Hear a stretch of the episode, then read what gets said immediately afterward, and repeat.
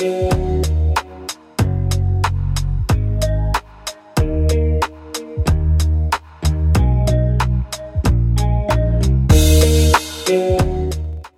wszystkich i zapraszam do kolejnego odcinka podcastu PokerStrategy.com. Ja mam na imię Jakub i opowiem Wam pokrótce, co usłyszycie w dzisiejszym epizodzie. Torek i Morris jak zwykle przedstawią nam serwis informacyjny i ciekawostki ze świata pokera. Następnie Sałek opowie nam, jak zarządzać kapitałem w turniejach MTT. Dzisiejszy wywiad Fizolow przeprowadził z członkiem teamu PokerStrategy.com i naszym coachem Simonem. Simon opowie o jego ostatnim sukcesie na WPT w Barcelonie oraz o tym, jak wygląda jego życie po tym, jak został członkiem teamu. Pamiętajcie, że nasz podcast możecie usłyszeć w co drugi piątek każdego miesiąca na PokerStrategy.com. Zapraszam.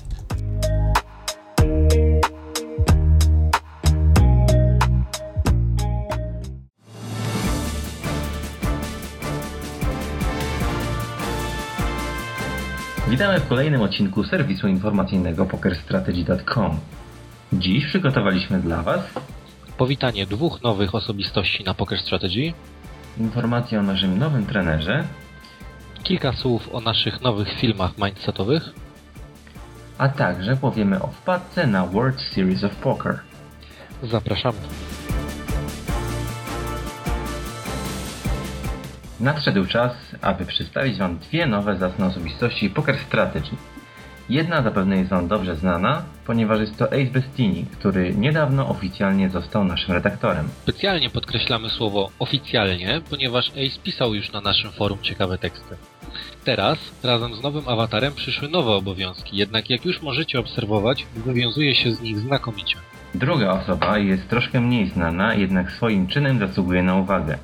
Jest to 24K Gilded, kolejny Polak, który przekroczył granicę 500 tysięcy strategy points, tym samym dołączając do grona Black Memberów.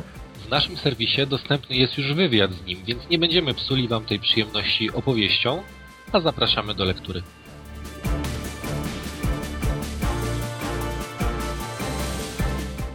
1,7 miliona dolarów zarobionych w kwietniu. Robi wrażenie? Nie, a co jeśli dodamy do tego, że są to pieniądze wywalczone przy stolikach pod limit Omaha, a do tego dołożymy tytuł EPT zdobyty w wieku 21 lat? No takie informacje już na pewno robią wrażenie. Jednak aby zaskoczyć Was totalnie, powiemy, że ten fiński pokerzysta właśnie dołączył do ekipy trenerów PokerStrategy.com. Mowa oczywiście o graczu Ingenious89. Oto jego krótka charakterystyka. Gracz ten wygrał ponad 1,7 miliona dolarów w grach kaszowych PLO Online w kwietniu 2011 roku. Zwyciężył w EPT Copenhagen w 2009 roku zgarniając ponad 850 tysięcy euro. Jego pierwszy turniejowy sukces to Main Event ESOP w 2008 roku, w którym zarobił on 315 tysięcy dolarów. Zapraszamy wszystkich graczy, którzy chcą rozwijać swoje umiejętności w podlimit Omaha. Teraz jest na to najlepsza okazja pod okiem prawdziwego profesjonalisty. Mindset. Do niedawna pomijany aspekt w pokerze, na szczęście jednak ta tendencja się zmienia. Coraz więcej osób wie, że mindset jest szalenie ważny. Na nic umiejętności, na nic taktyka, gdy rzucamy myszką po każdym bedbicie i rozupujemy klawiaturę na pół, odpadając na bablu. Jak mawiają, wszystko siedzi w głowie, a mindset ma tą głowę nam poprawić.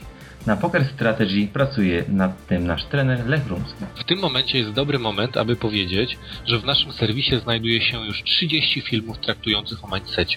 Najnowsze produkcje to na przykład Inteligencja finansowa, temat szybkiego uczenia się, motywacja. planowanie i wyznaczanie celów. Zachęcamy wszystkich do obejrzenia tych produkcji. Mogą się przydać nie tylko w pokerze. Przypominamy również, że w każdą środę od 20.30 do 22.00 nasz trener Lech Rumski prowadzi treningi z mindsetu. Są one dostępne od statusu złotego. World Series of Poker daje nam wiele emocji związanych z grą o wysokie pule w turniejach. Niemniej nie tylko takie informacje dochodzą do nas z Ameryki. Okazało się, że organizatorzy zaliczyli niemałą wpadkę. Przy tak ogromnych pieniądzach, jakie pojawiają się na World Series of Poker, aż trudno uwierzyć, że istnieje możliwość podłożenia znaczonych talii do gry. Niemniej taka sytuacja właśnie miała miejsce. Podczas eventu ósmego, rozgrywanego w No Limit Hold'em z pisowem 1000 dolarów, John Turner zauważył znaczone karty w talii i przedstawił sprawną obsłudze w SOP. Dyrektor turniejowy natychmiast zarządził przerwę w evencie, aby zająć się tym problemem. Podczas sprawdzania zauważono, że jest błąd w druku na większości niskich kart w kolorze pik w wielu taliach, które były w grze. Przedstawiciel SOP Jack Eiffel po felernym dniu i spotkaniu z przedstawicielami United States Playing Card Company ogłosił, że problem został już zażegnany. Mamy nadzieję, że podobne problemy nie pojawią się już na tegorocznym World Series of Poker i gracze w spokoju będą mogli walczyć o wysokie pule. Dziękujemy za wysłuchanie kolejnego serwisu informacyjnego PokerStrategy.com. Prowadzili go dla Was Torek oraz Morris. dziękujemy.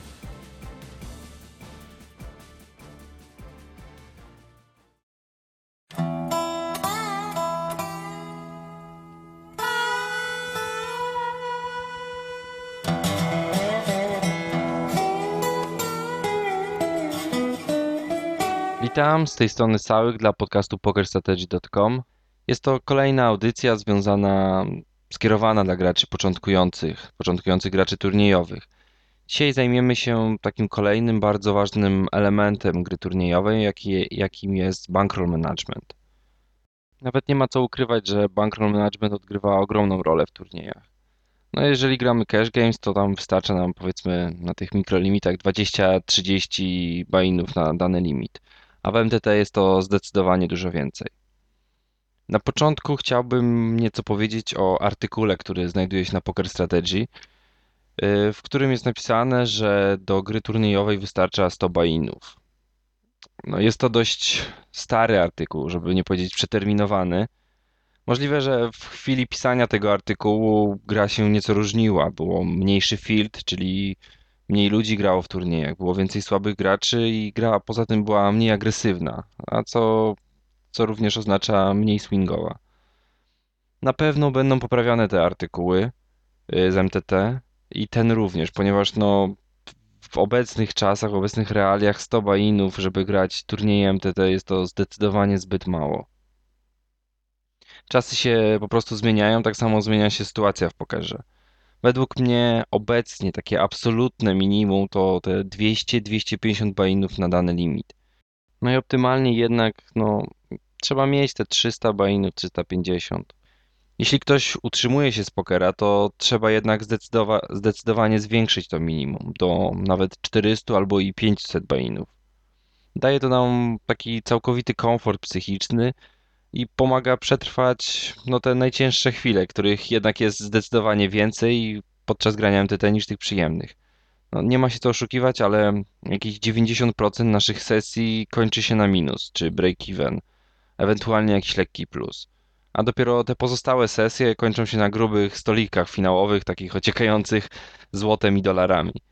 No tak, tak to wygląda naprawdę w rzeczywistości. Nowi gracze MTT mogą mieć mylne wyobrażenie o tym, jak to wygląda, gdyż no, zazwyczaj słyszą tylko o Final Tables, o wygranych turniejach, o tych sesjach, o tych sesjach na minus czy tam na zero się nie mówi, no bo po co? Okej, wróćmy do przewodniego tematu podcastu, czyli do bankroll managementu. Powiedzmy teraz nieco o turniejach rebuy. Bo z freezeoutami no to łatwo. Mamy 250 buy-inów, to gramy dany turniej i tyle. A jak, jak sprawdzać, jak liczyć turnieje rebuy? Tutaj sprawa wygląda no trochę inaczej, bowiem na cały buy-in musimy liczyć również addona i, no i rebuya, którego weźmiemy zaraz po rozpoczęciu turnieju.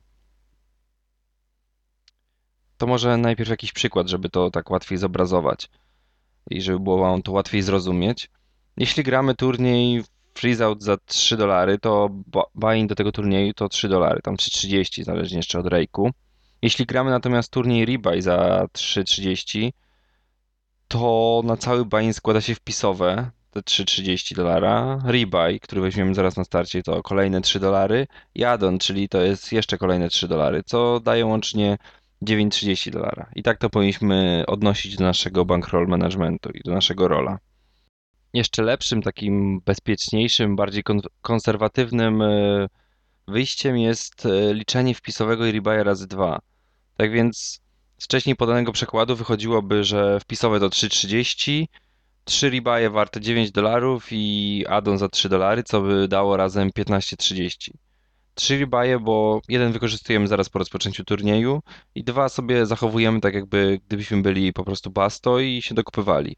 Oczywiście czasami się zdarza, że dokupimy się więcej razy, no ale tak jest troszeczkę bezpieczniej to liczyć. Okej, co więcej, no zawsze pamiętajcie o tym, żeby kupić rebuya po rozpoczęciu turnieju. Oraz jeżeli zostaniecie wyzerowani, żeby się dokupić. Bo jeśli opuszczacie turniej, to tak jakbyście dorzucali dead money do puli i już nie walczyli o tą pulę. Po prostu się poddali i odeszli, nie? Pamiętajcie też, że zawsze, ale to zawsze bierzemy addona. Po to jest, żeby właśnie go brać. Jeśli gramy na przykład na mniejszym roomie i nie ma tam zbyt wielu turniejów, które mieszczą się powiedzmy w jakimś tam naszym wpisowym, które normalnie gramy, i przez co mamy powiedzmy dużą różnicę między wpisowymi do turnieju. Na przykład gramy wszystkie możliwe turnieje od 1 dolara do nie wiem, 20-30. To policzcie sobie wtedy wasz średni buy. Albo sprawdźcie chociażby w Hold'em Managerze, gdzie jest ta opcja, wyświetla average buy i tą, tą wartość odnieście do waszego rola. Powiedzmy jeszcze kilka słów o satelitkach. No, naprawdę fajna sprawa, że ktoś kiedyś wymyślił satelitki. Dzięki temu, nie łamiąc zasad naszego bankroll managementu, możemy spróbować siły w turniejach z wyższym wpisowym. Niektórzy grinderzy grają tylko satelitki, a wejściówki zmieniają na turnament Dolaris. Można spotkać takich graczy zarówno na Starsach, jak i na Full Tilt Poker. I nawet nieźle z tego wychodzą. Wykresy naprawdę są dość imponujące. A później te turnament dolary albo sprzedają, tak jak w przypadku Starsów, albo jak w przypadku FTP, tam 5% chyba jest prowizji, wymieniają na, normalne dolary. To, czy wy również powinniście wymieniać wejściówki na turnament dolary, zależy od was i waszego bankrola. Bo jeśli na przykład ktoś wygra satelitkę, powiedzmy, zagrał w turnieju 2 dolary rebuy i wygrał wejściówkę do Sunday milion, a jego roll to 1000 dolarów, no to jednak sama ta wejściówka to jest ponad 20% jego rola. No i według mnie jest to bardzo prosta wymiana na turnament dolary, a nie granie Sunday Million. Jeszcze przyjdzie czas, żeby grać takie turnieje, a jednak chyba bardziej ważne jest to, aby po prostu stale budować i rozwijać naszego, nasz bankroll, dzięki czemu no, możemy grać turnieje z wyższym wpisowym i walczyć o wyższe wygrane.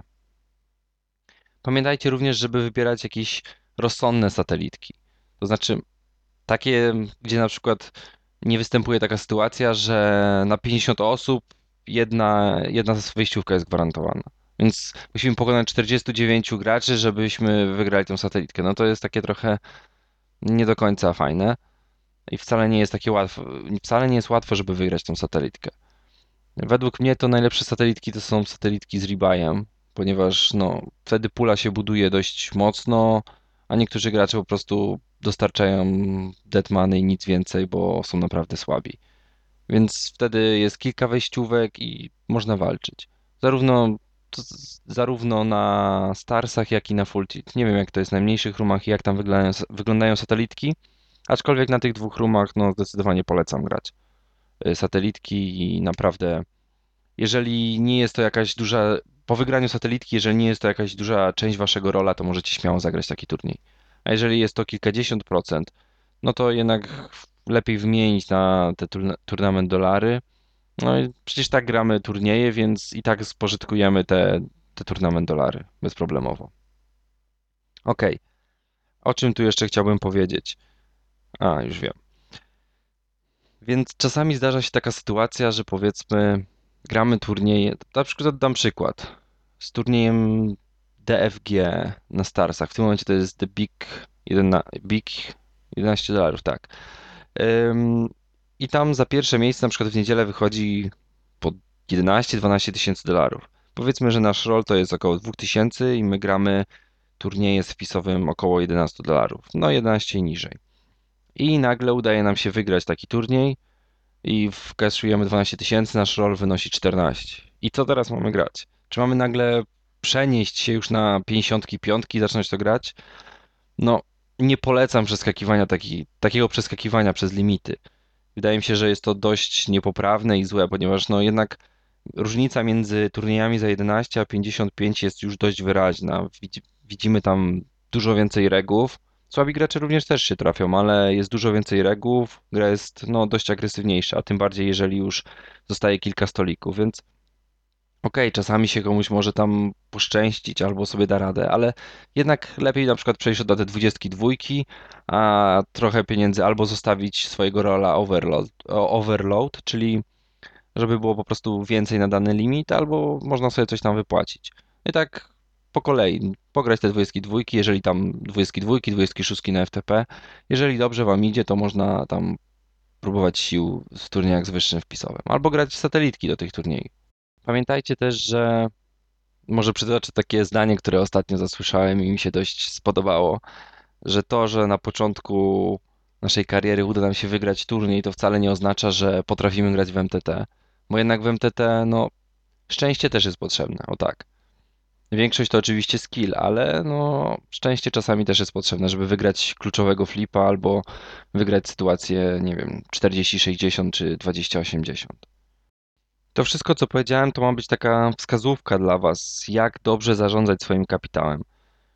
Oczywiście, jeśli ktoś jest bardzo doświadczony, na przykład grał kiedyś, przestał i teraz znowu zaczyna i potrafi dobrze grać, to na niskich limitach może nieco zmniejszyć ten bankroll management. Jednak no, obecnie nie polecałbym schodzić poniżej tych 200 bainów. Tak samo jeśli gramy turnieje, gdzie jest bardzo duży field, czyli duża ilość graczy. Głównie to na przykład na, obecnie to na Starsach, bo na FTP już field się zmniejszył po Czarnym Piątku. Aczkolwiek no, na Starsach field jest naprawdę duży w większości turniejów. To wtedy polecam jednak zwiększyć ten swój bankroll management, jeżeli gramy tylko i wyłącznie takie, gdzie jest po kilka tysięcy osób. Jeśli gramy turnieje z coraz to wyższym wpisowym, napotkamy, napotkamy się na coraz lepszych graczy i no, zdecydowaną większość regów. Więc im wyższe wpisowe, znaczy im wyższe wpisowe z jakim gramy, tym jednak no, możemy troszeczkę powiększyć nasz bankroll management, jeżeli chodzi o ilość buy-inów na dany limit. Może Wam się to wydawać przesadą, no tym bardziej jeszcze dla początkujących graczy, ale naprawdę, jeśli zagracie kilka tysięcy turniejów, to sami zrozumiecie, czemu konserwatywny bankroll jest tak bardzo ważny w MTT. Zresztą możecie często wyczytać od naszych trenerów. Na przykład ostatnio Przyszałek o tym pisał na forum, jaki jest jego bankroll i tam, no, te, te, tym bardziej, że jest, wiecie, że żyje z pokera, więc y, jego, jego bankroll management jest dużo większy niż, niż nawet to, co ja zaproponowałem. No chyba, że całe życie jesteście lagboxami i wygrywacie 90% flipów, to wtedy, no, możecie trochę zmniejszyć bankroll management. Ale że większość graczy raczej tak, takimi lagboxami nie jest, więc trzymajcie się tego. E, No to chyba tyle na dzisiaj. Jeśli macie jakieś pytania dotyczące bankroll managementu albo dotyczące w ogólnie gry MTT, to pozostawcie je w komentarzach. A teraz zapraszam Was na wywiad. Z tej strony Sałyk dla pokerstrategy.com. Na razie.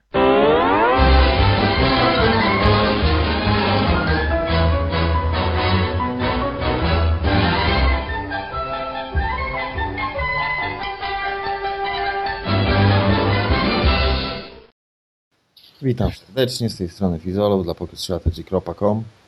E, Dzisiaj mamy kolejną gwiazdę, tym razem z naszego rodzimego podwórka. E, Prawie finalista turnieju WP. Prawie, dobre słowo. Wszyscy wiedzą o kogo chodzi, Simon. Witam Cię bardzo serdecznie, cześć. Cześć, jestem gwiazdą, której przesadziłeś. O, nie, nie przesadziłem, nie masz szans, dobra. E, Powiedziałeś przed tym turniejem, że jedziesz wygrać. No jak zawsze, nie? No ale to Ktoś regularnie śledzi inne portale tak, że to, to hasło stało się tak popularne, że po prostu musiałem to powiedzieć. e, szło Ci świetnie przez pierwsze dni. No tak. Jak się grało? Grało się super. Dużo oczekiwałem po tym turnieju ze względu na fakt, że masę graczy już wyjechało do Stanów i nawet jeżeli... O... Znaczy masę granów ze, graczy ze Stanów, którzy grali w tym roku w Europie po Black Friday e, już został w Stanach do, e, do WSOP, żeby nie wyjeżdżać. To są dla nich jednak długie podróże, a masa Europejczyków, masa regularsów już wyjechało do Stanów, bo WSOP zaczynał się dosłownie kilka dni po zakończeniu WPT. Więc field był strasznie słaby, masa Hiszpanów, masa słabszych graczy, których można było grywać na dosyć fajnym dipie, jak no, to jest ta sama struktura, nawet lepsza niż VPT, bo VPT dla przykładu nie ma blindów, niektórych blindów pośrednich, które, e, które występują w WPT, na przykład 250-500. I dodatkowo struktura ante jest bardzo agresywna od późniejszych blindów, więc agresywna gra popłaca ze względu na to, że jest bardzo dużo ante w grze. E, Tak więc turniej był całkiem fajny i naprawdę field był e, field był na tyle słaby, że można było sporo oczekiwać, też wiadomo, że ciężko przed turniejem powiedzieć na jaki wynik, jaki wynik się osiągnie. No to wiadomo. No to teraz się tłumacz z tego prawie. Cze- cze- Czemu prawie, tak? Też ta ręka chyba stała się legendarna. Gdzie, gdzie nie pójdę, to każdy tylko pyta o ten. E, Gadałem o tej ręce z wieloma osobami, ile osób, tyle opinii. Ja swoją. e, Ja w sumie z tego zagrania dalej jestem zadowolony. To był poziom, jeżeli się. 12-24, tak? Ante. Na tym poziomie Ante było 3 do 1, więc każdy regular, z który grałem TT wie, że ten, takie poziomy, na których Ante jest w stosunku do mego blinda 3 bądź 4 do 1, są to poziomy, które rozgrywa się bardzo agresywnie ze względu na to, że wiele graczy tego nie rozumie i po prostu poddają pulę bądź kolują i checkfoldują flopy. Więc jest duże value, nawet, nawet jeżeli podbijesz i checkfoldujesz flopa, to dalej jest value w podbijaniu ze względu na to, jak często przejmiesz pulę pre-flop. Dla przykładu jest blindy 12-24, więc w puli jest o 36 tysięcy z blindów plus każde ante to jest 4000, 4 razy 9 jest 30. e, 36, czyli w puli już jest 36 plus 36, 72 tysiące, a ja podbijałem do 51-52 tysięcy, więc muszę tam w 45%, w 40 paru procentach wygrać pula, aby to było profitowe. No i właśnie na tym poziomie zacząłem grać trochę agresywniej i na batonie stałem 3 bet od e, jakiegoś młode, miarę młodego, ogarniającego gracza, którego nie znałem, bo nie grałem z nim wcześniej, ale widać było po nim, że jest w miarę ogarniającym i wie o co chodzi. I zszybetował mnie bodajże do nie wiem ilu. Ja zrobiłem chyba 50 albo nawet 49 i on, on zrobił chyba 100 coś. Ja mam jakieś coś w stylu 2 razy 2,2 mój rejs.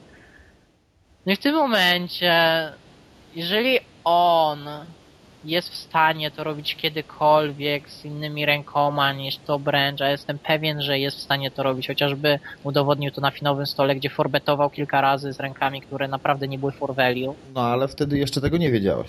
E, no nie, ale jeżeli weźmiemy pod uwagę, że on to jest w stanie robić tylko czasami, w puli jest w tym momencie około 200 tysięcy.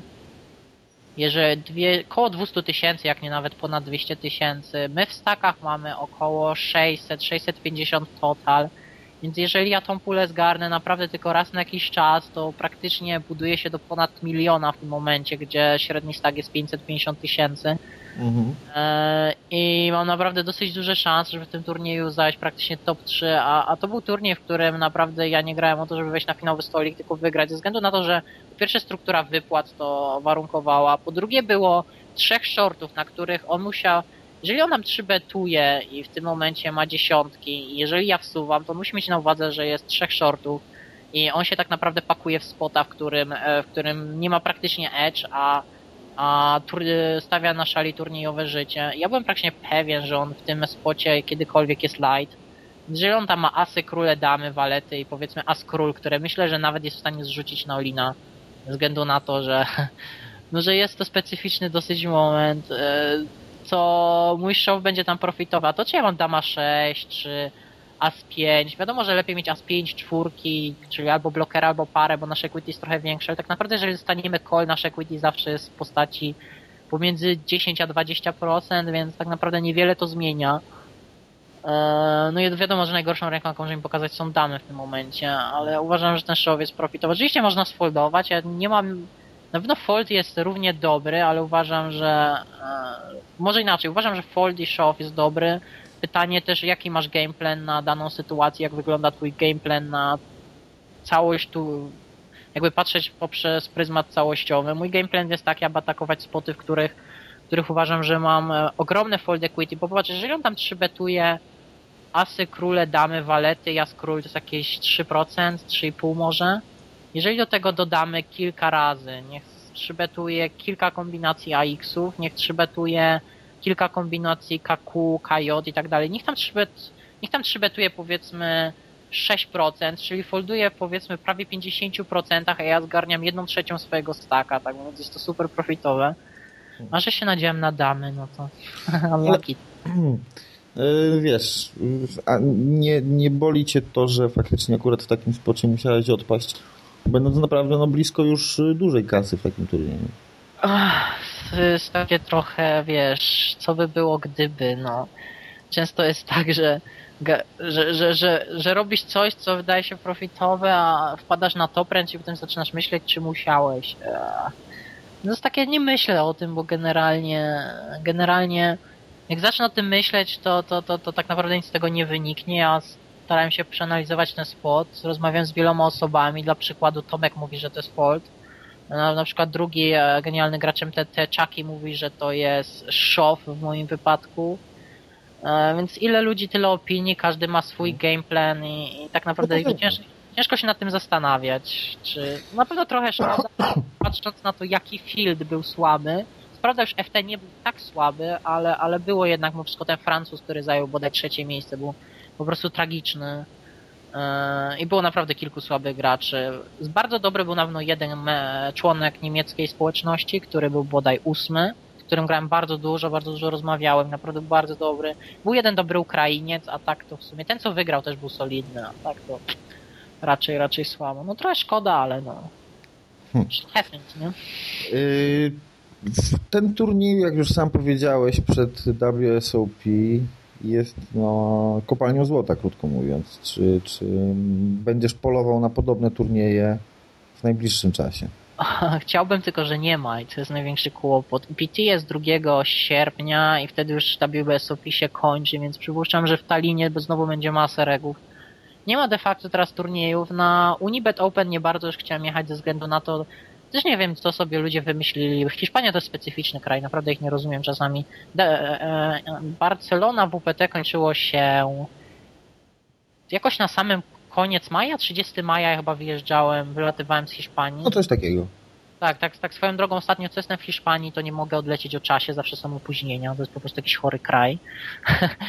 Oni to z tą ich manianą to naprawdę przesadzają, ale no nieważne i Eee, Unibet Open zaczynał się 7, więc de facto musiałbym wracać, zostać 4-5 dni i znowu wracać na Unibet Open. Naprawdę mi się nie Mhm. chciało, więc stwierdziłem, że nie ma sensu. A teraz nie ma żadnych turniejów spisowym, które obejmowałoby moje zainteresowanie, czyli mniej więcej powyżej albo w okolicach tysiąca. No więc niestety muszę czekać do kolejnej serii PT, bo no nie jestem w stanie nic. Teraz będę grindował na pewno online sporo i jakieś wakacje. Na pewno się wybieram na prom. Jakiś Tobet Summer Cup jest coś takiego chyba. Mhm.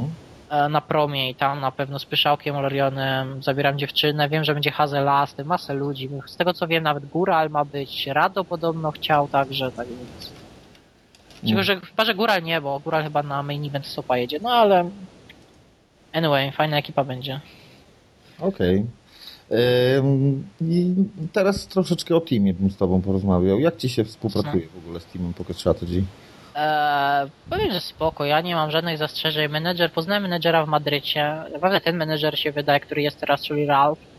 Eee, jest strasznie zaangażowany w to, wprowadził dużo zmian, na przykład przesyła nam co tydzień tak zwany week- weekly recap, którym zawiera na wszystkie najważniejsze informacje z zeszłego tygodnia, co mamy mieć na uwadze i tak dalej, i tak dalej, wszystkie najważniejsze informacje ma cały czas z nami kontakt, przypomina nam o wielu rzeczach, jest cały czas jakby do naszej dyspozycji. Więc menedżer na pewno zmienił się, no, o ile nie miałem nic do poprzednich, ani do Robiego, który jest teraz scoutem, ani do Timo, który był poprzez jakiś czas. Aczkolwiek on widać, że wprowadził jakąś nową jakość, że tak się wyrażę. A co do samego teamu, co do ludzi, to już kiedyś mówiłem w jakimś wywiadzie, że e, ludzi w teamie bardzo szanuję, są naprawdę spoko ludzie, przede wszystkim zarąbiści gracze, bo to co czasami e, to jakie analizy od, czasami oni, oni, oni robią między nami, jakie robimy, to naprawdę są na dosyć wysokim poziomie tacy gracze jak Tsubi, jak Nezgul, jak Elenon, jak Torsten, to są naprawdę e, gracze z najwyższej półki. Zresztą to świadczy o tym chociażby to, że grają na najwyższych stawkach online. Nazgul na przykład PLO 2K heads-upy, w tym Six Maxy, Tsubi e, gra PLO i Holdeman od 50 do 25-50, Torsten to samo, więc e, więc jest całkiem ok. Teraz doszło kilku nowych graczy. Dosyć sporo rozmawiałem z Wovoleo, z którym byłem teraz w Madrycie. Wynajęliśmy dwie chaty, to znaczy nam menedżer wynajął, abyśmy się lepiej poznali i tak dalej. Sporo czasu spędziłem z Vovoleo, Brazylijczyk z teamu. Też spoko koleś, naprawdę. Byliśmy między innymi na meczu Federera z Nadalem, e, bo w Madrycie był w tym momencie Masters, więc Mhm. oglądaliśmy sobie ten mecz. E, Dzięki niemu też poznałem Makariego, z którym mam tam jakiś kontakt, a to zawsze spoko jest nie mieć kontakt z jakimiś regularsami. Poza tym też gadamy ze sobą czasami i tak dalej. Nie ma tak, że ktoś kogoś unika, jest fajna atmosfera. A teraz jeszcze kilka wyników do tego doszło. Ja zrobiłem prawie finałowy stolik, niestety. Robi prawie zdobył bransoletkę, niestety znowu prawie. E, Mika Passonen chyba dopiero pierwszy, zagrał jeden z pierwszych turniejów w teamie, już finałowy stolik. Torsten Final Free Tables. E, Bong, nie, Torsten chyba był na, nawet na Sejmi FT, Bongbok chyba był na Sejmi to Final Tables, dlatego naprawdę wyniki przychodzą, więc to też cieszy, bo póki co nie ma co ukrywać, że byliśmy trochę do tyłu. E, wiesz, myślę, że no, na wyniki zawsze trzeba poczekać, z tego względu, że większość z Was jest chyba specjalist, no jesteście specjalistami przede wszystkim w grach online, a nie w grach live. To fakt. Trochę to się różni, aczkolwiek e, ja wiem i to też widzę po sobie, że to, to, to dosyć szybko, jeżeli jesteś dobrym graczem, dosyć szybko rozwijasz swoją grę live, ale przede wszystkim jeżeli ktoś inwestuje w takich graczy, to powinien wiedzieć, jak dużą rolę odgrywa wariancja. I tutaj to słowo wariancja powinno być wielkimi literami w grach live, każdy wie, jak ona jest wielka.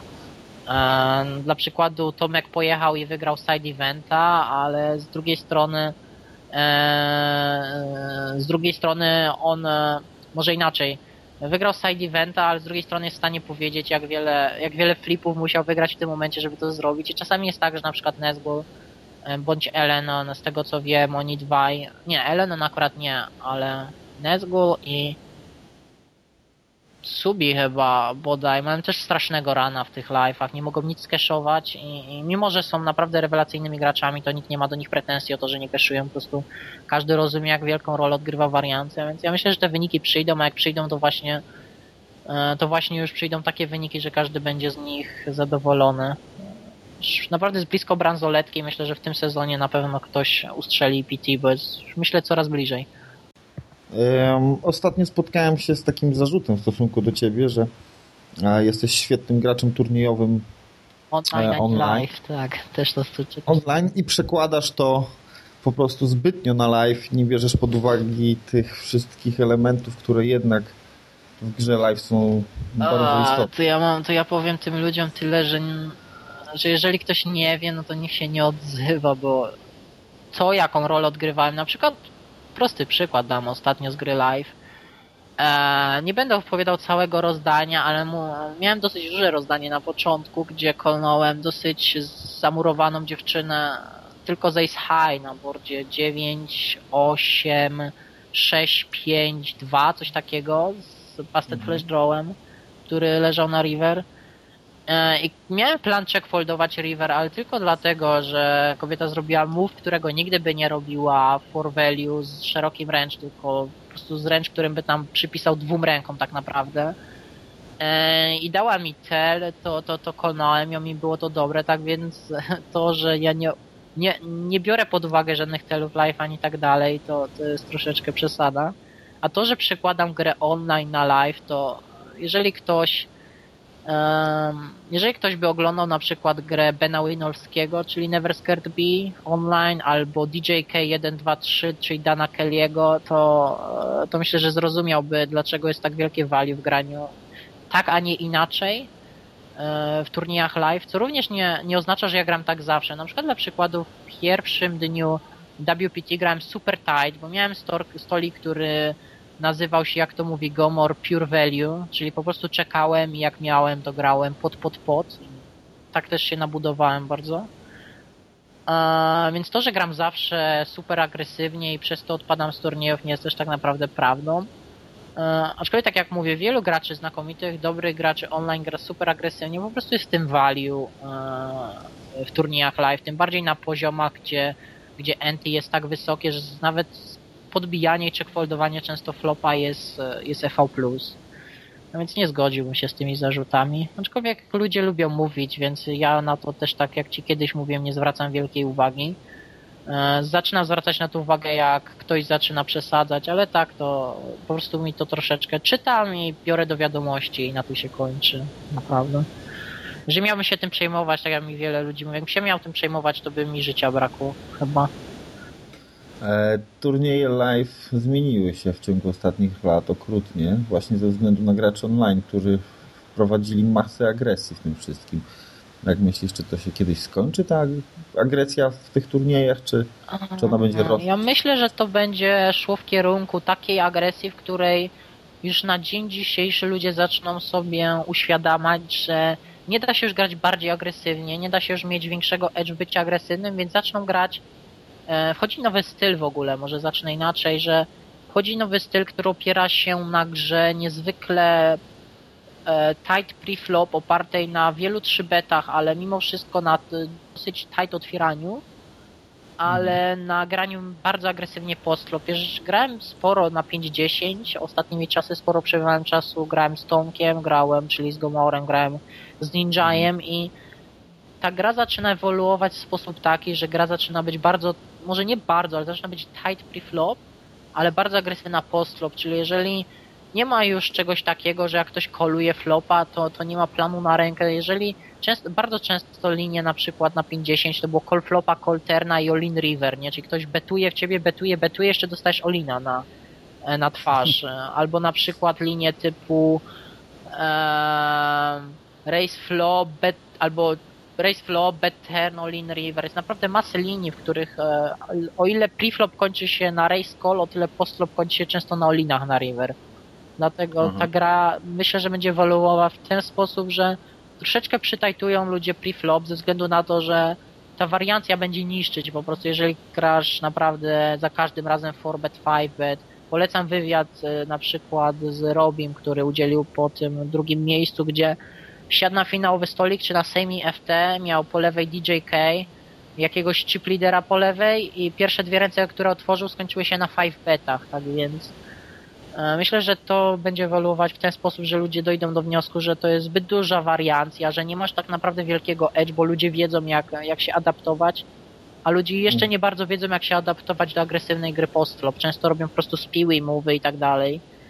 Dlatego myślę, że jednak o ile teraz jest to bardzo agresywne, chociaż nie do przesady, czasami jest naprawdę e, to troszeczkę ubarwiane tak, aby tak, aby zrobić, wiesz, troszeczkę dreszczyku, a tyle o tyle myślę, że jednak mimo wszystko będzie to bardziej wchodziło w tryb jednak bardziej tight, tak mi się wydaje.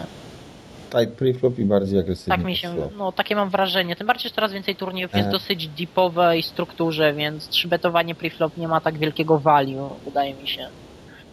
Oprócz turniejów zawsze jeszcze zasiadasz do stolików kaszowych w kasynach tam, gdzie wyjeżdżasz na, na wielkie imprezy. Staram się, nie zawsze, Jak ale często. Różnie, różnie, bo nie gram tak wiele rozdań, na przykład jeżeli jadę z Rambo, którego chyba każdy zna, e, to on na przykład jedzie i gra po 7-6 godzin dziennie z typowym grinderem live. Ja tak też nie potrafię. Jeżeli gram turniej, to potem się zwyczajnie nie chce, bo to jest już znużenie i tak dalej. E, Więc idzie różnie, aczkolwiek stoliki są zazwyczaj z tych łatwiejszych. E, Chociaż zdarza się tak, że jest jakieś siedmiu w miarę ogarniętych ludzi, ale zawsze znajdzie się tych dwóch słabych graczy, których można ogrywać. Więc stoliki są na pewno łatwe i warto, chociaż o tym świadczy, że jest wielu graczy, którzy nie grają, na przykład nie grają EPT jak Schwindel, ale jeździ i gra cache. Po prostu przyjeżdża i grinduje cache na wszystkich możliwych stawkach. No, oczywiście oprócz tych najniższych. Mhm. Em, Amerykanie zniknęli nam z Full Tilta, z Poker Stars. Przenieśmy się teraz może na pole online bardziej.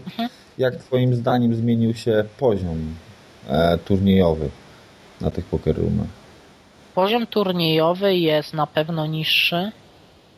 Eee, jeżeli chodzi o same turnieje, na pewno niższy, bo w cash to są dosyć różne opinie i tutaj co, co gracz to opinia tak naprawdę.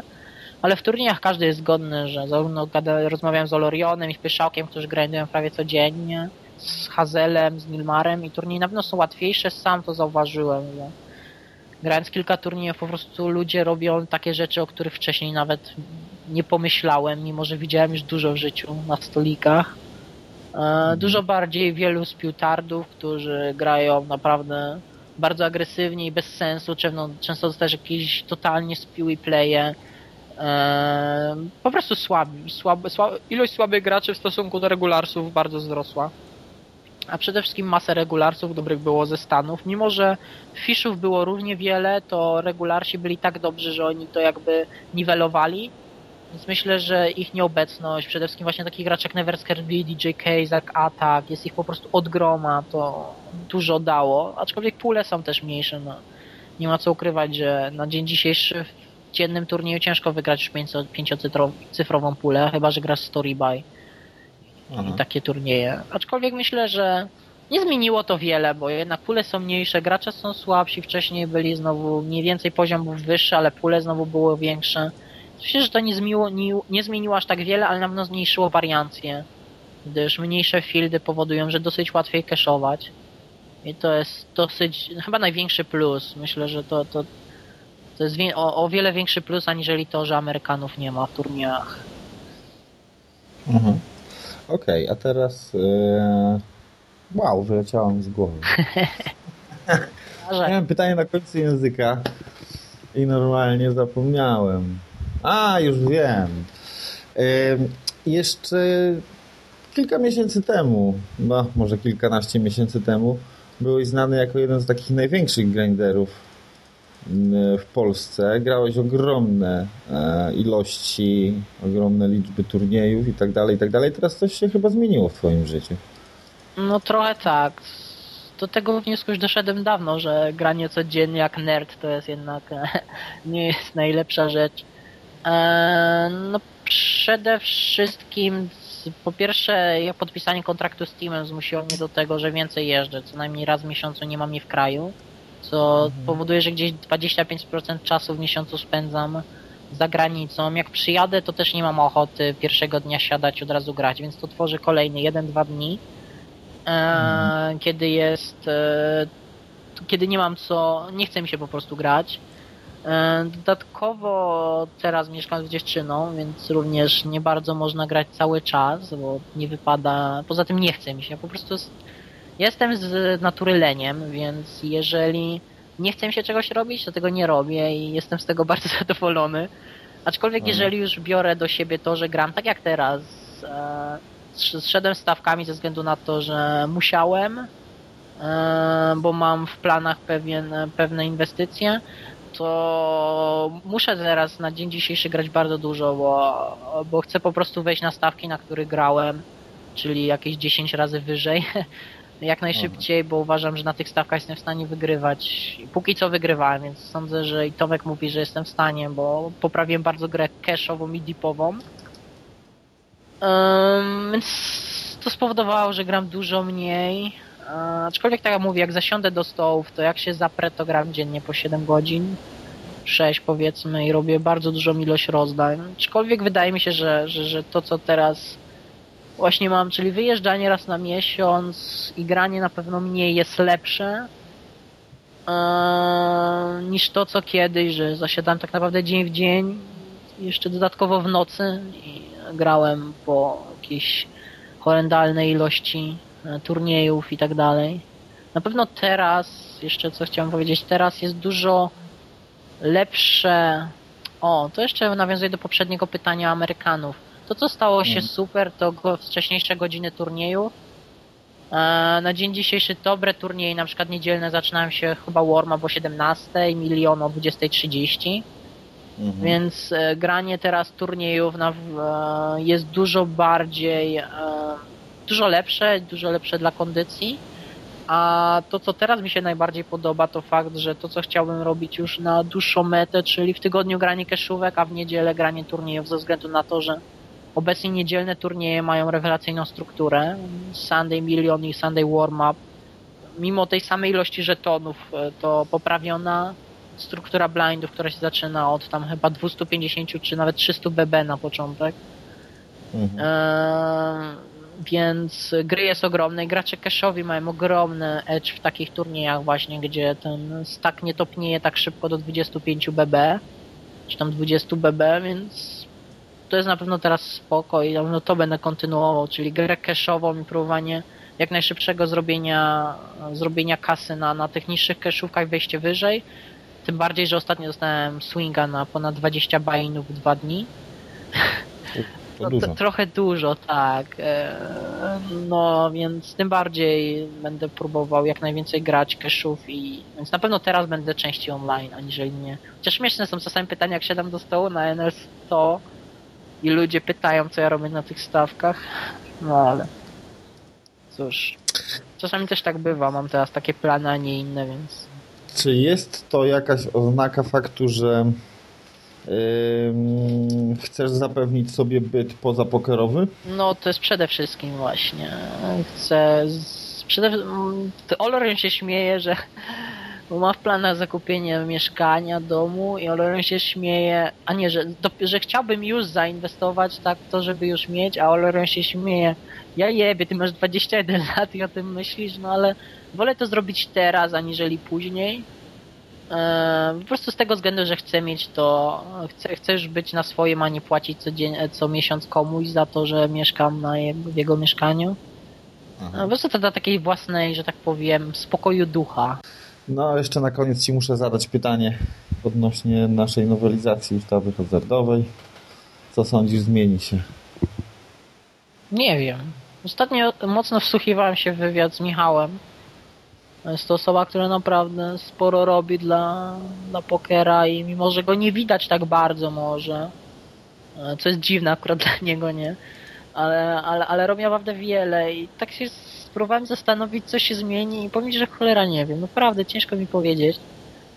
E, Ja sądzę, że niewiele, aczkolwiek to tak naprawdę wszystko będzie zależało od chęci służby celnej i od ich możliwości, a tak ra- naprawdę nikt nie jest w stanie na dzień dzisiejszy powiedzieć, jakie te możliwości będą. Więc ja jakoś nie mam zwyczaju martwić się na zapas, więc nie wiem. No ja raczej sądzę, że dopóki nie popełnisz błędu i nie dasz się we znaki, nie kupisz czegoś, nie wiem, nie wypłacisz na konto jakiejś większej ilości, to raczej ciężko przypuszczać, aby byli w stanie kogokolwiek namierzyć, ale nie wiem. Możliwe, że będzie coś takiego, że służba celna jest specyficzna, więc e, oni mogą wyjść z założenia, że za wszelką cenę będą próbować łapać ludzi i może im to wychodzić. Nie wiem. Nie wiem, jak to się skończy. Mam nadzieję, że się skończy tym, że po prostu. No, mam, się, mam nadzieję, że się skończy tym, że. Że ich poglądy. że. Może inaczej. Mam nadzieję, że po wyborach, które chyba nawet nie, nie wiem dokładnie kiedy, ale niedługo na pewno, bo już się zaczyna ta ich przedwyborcza jest. cała akcja. No. To. mm, To mam nadzieję, że któraś z lewicowych, mam nadzieję, że SLD, mam nadzieję, że Mikke, może jego partia dostanie, może nie o tyle nie, nie tyle głosów, by na przykład SLD nawet wygrać, bo to jest niemożliwe, ale mam nadzieję, że dostaną gdzieś 15-20%, żeby zauważyli, że, że przede wszystkim ich poglądy, które idą w, stronę prawą, czyli, czyli niby to była partia PO, która, która miała iść w stronę liberalizmu, a idzie to w zupełnie inną stronę, idzie to w stronę dla mnie totalnego e, zejścia w prawą stronę i spróbowania przejęcia jakiegoś elektoru PiS, który będzie E, Myślę, że nawet ustawa hazardowa tutaj jest trochę pod to podpięta, żeby przejąć trochę elektoratu prawicowego. Więcej, przede wszystkim właśnie te, tych odpisu. Ale mam nadzieję, że któraś z tych partii stanie więcej głosów i, i zauważą, że ludzie nie podobają się ich, e, ich, e, ich ruchy. To, że ludzie odchodzą w stronę właśnie liberalizmu, w stronę tego, że oni chcą być bardziej wolni, a nie to, żeby zakazywać im tak naprawdę wszystkiego. Bo do tego się to teraz sprowadza, że zaczynałem zakazywać wszystkiego. O ile E, O ile sam poker nie jest tak popularny, o tyle myślę, że po prostu sa, samo to, co e, platforma robi, a właściwie nie robi, bo obiecywali zrobić wiele, a tak naprawdę dalej służbą zdrowia jest nie. Dobra, E, idziemy już zbyt daleko. Tak, Zbyt daleko. Ja przerwę ci ten wywód, bo to nie jest ale wiesz o co mi chodzi. Chodzi mi o to, by, by po doskonale. wyborach e, zmienili swoje nastawienie i żeby to poszło w stronę, która nam będzie odpowiadać, a a także innym ludziom. Okej.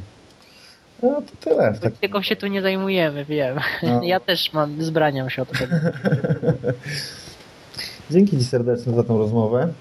Ja również dziękuję. E, Powodzenia w kolejnych turniejach, powodzenia z odbudowywaniem bankrola. No, z tym nie powinno być chyba problemów. Mam taką nadzieję. Jeżeli ty jesteś optymistycznie nastawiony, to dlaczego Tak. nie ma być? nie? No. Okej, mam nadzieję, że szybko zobaczymy cię już na tych najwyższych stawkach. E, Mam dzięki. nadzieję, że Dama 6 nie będzie teraz na, najpopularniejszą kartą. Nie no, to dama będzie na pewno 6 bardzo popularna. Jeszcze długo będą ci to pamiętać. Na, No. to tutaj wiesz, nie ma, nie ma dwóch zdań.